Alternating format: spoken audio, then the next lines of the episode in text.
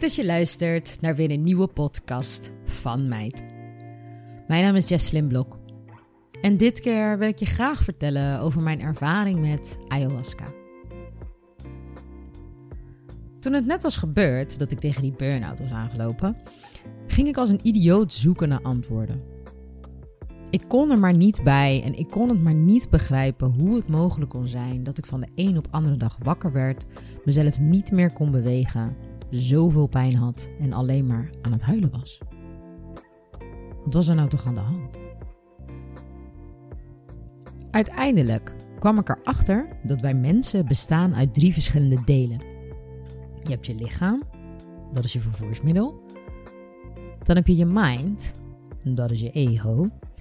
En het allerbelangrijkste, je hart, je ziel. Oftewel, je hogere zelf. En jouw hogere zelf weet dus precies wat jij hier op aarde komt doen. Wat jouw taak hier is en dus ook wat jou gelukkig maakt. Maar omdat we nu nog leven in een wereld die gestuurd wordt vanuit de mind en niet vanuit ons hart, is ons vanaf de dag dat we geboren zijn verteld wat we moeten doen. Door onze ouders, door hun ouders, door scholen, door de maatschappij en ga zo maar door.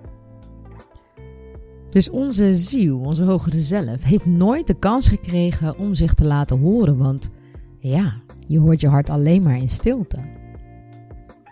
Maar je hoort je hart dus niet, omdat onze mind helemaal vol zit met allerlei geluiden van regeltjes en routines en patronen die zo erg zijn geïntegreerd. Er is zoveel geluid in ons hoofd dat sommige mensen gewoon bang zijn om in stilte alleen te gaan zitten met zichzelf, omdat ze dan niet weten wat er dan in hemelsnaam naar boven komt. Iedereen gaat maar door en gaat maar door en gaat maar door en probeert zeg maar binnen bepaalde kaders te bewegen totdat er dus een moment komt waarbij je zo ver bent gegaan dat je je lichaam, je mind en je eigen hart zo erg hebt genegeerd, zo ver uit balans bent gegaan dat één van die drie verschillende delen of dus alle drie in één keer ingrijpen en dan bam. Dan klap je gewoon uit elkaar. En dat kan je een burn-out noemen of een spirituele ontwakening of wat voor woorden daar ook voor worden gebruikt.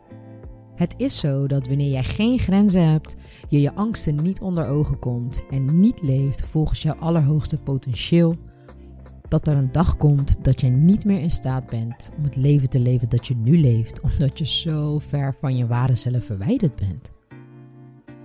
En op het moment dat ik achter al deze informatie kwam, dacht ik: oké, maar als ik dan dus, als, als mijn ziel, mijn hogere zelf, nou precies weet wat ik nodig heb en wat ik hier kom doen. Nou, dan moet ik dus met mijn hogere zelf gaan praten. maar ja, hoe doe ik dat? Dus ik ging weer op onderzoek uit, totdat ik op een gegeven moment kwam op een stukje over meditatie.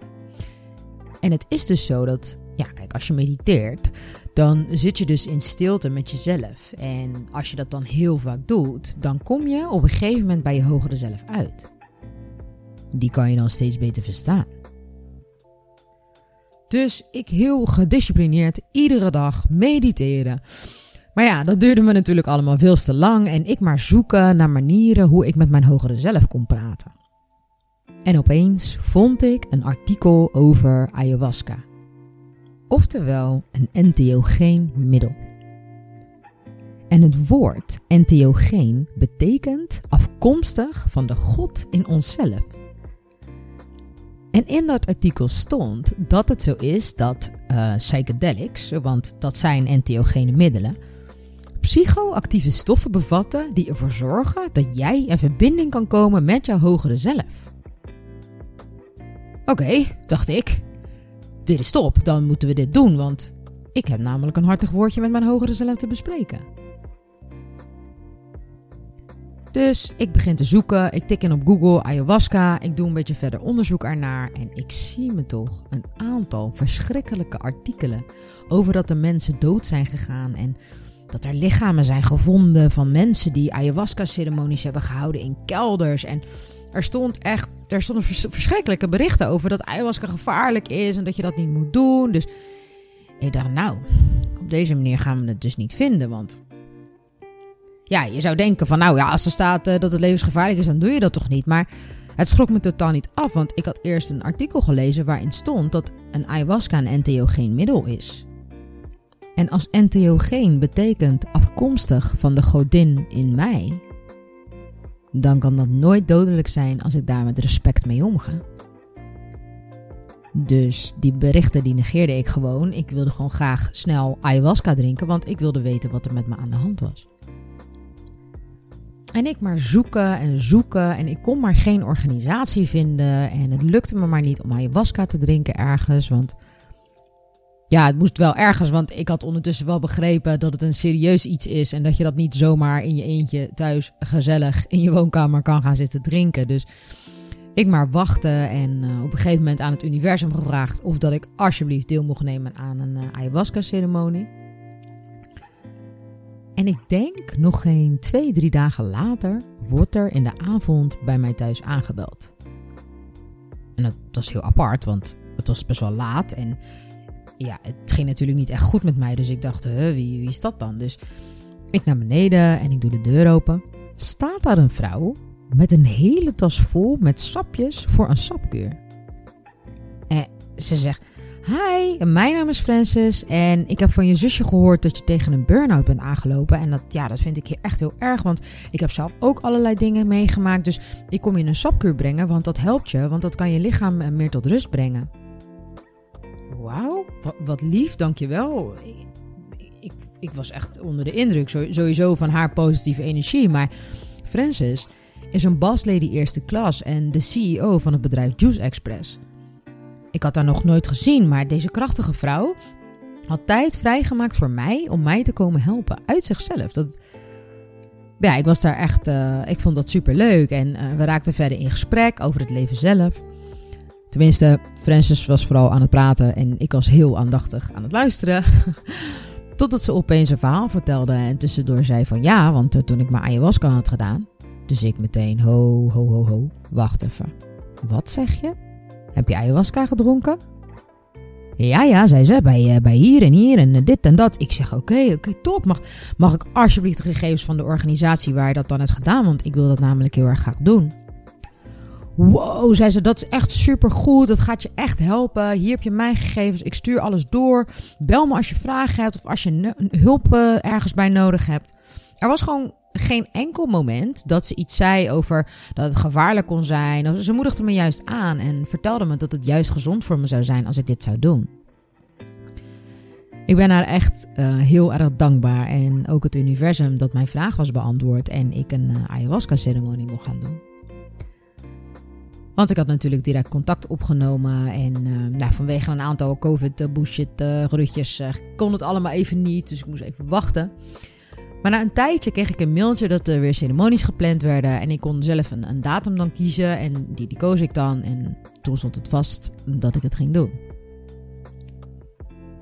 En niet lang daarna werd ik gebeld door de shamaan zelf. Degene die de ceremonies begeleidt. En ik heb twee uur lang met haar aan de telefoon gezeten, waarbij ik haar vertelde wat er met me was gebeurd, eh, wat ik allemaal voelde en waarom ik graag ayahuasca wilde drinken. Het was een heel fijn gesprek. Ik mocht alles vragen, niks was heel raar of zo en uh, ze bereidden me heel goed voor. En uh, ja, dat was heel fijn, want ik wist nu wat ik allemaal kon verwachten. En na dit gesprek kreeg ik een mail met daarin een vrij serieuze uitleg uh, over dat ik een week van tevoren allerlei dingen niet mocht eten. Want ja, je hebt zeg maar een week voorbereiding voordat je het gaat drinken. En het is dan eigenlijk het beste om alleen nog maar groente en fruit te eten. Want het is dus zo dat wanneer je ayahuasca drinkt. Um, ayahuasca komt van een plant. En is een plantmedicijn. Wat heel goed is voor je lichaam. Net als het natuurlijke medicijn Cambo. Maar daar kom ik even in een andere podcast op terug. Um, het is zo dat als je ayahuasca drinkt, de ayahuasca jouw lichaam gaat reinigen als eerste van alles wat daar niet hoort.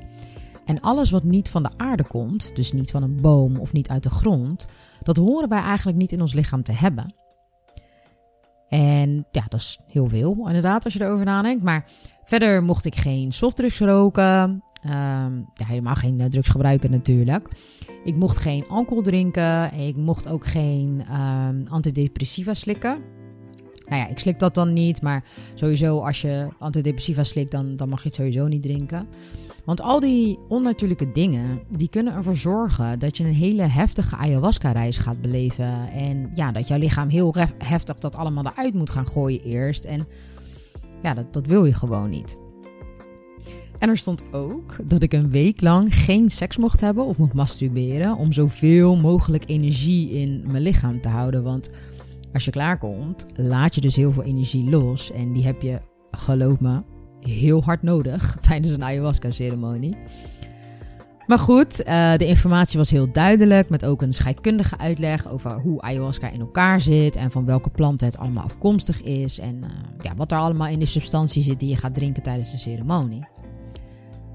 Die voorbereiding voor die ceremonie vond ik echt heel erg professioneel en op geen enkel vlak een reden om er ergens zorgen over te maken qua veiligheid. En uiteindelijk kwam de week van de voorbereiding, waarbij ik alleen maar sapjes heb gedronken, veel water gedronken, zoveel mogelijk rust gepakt.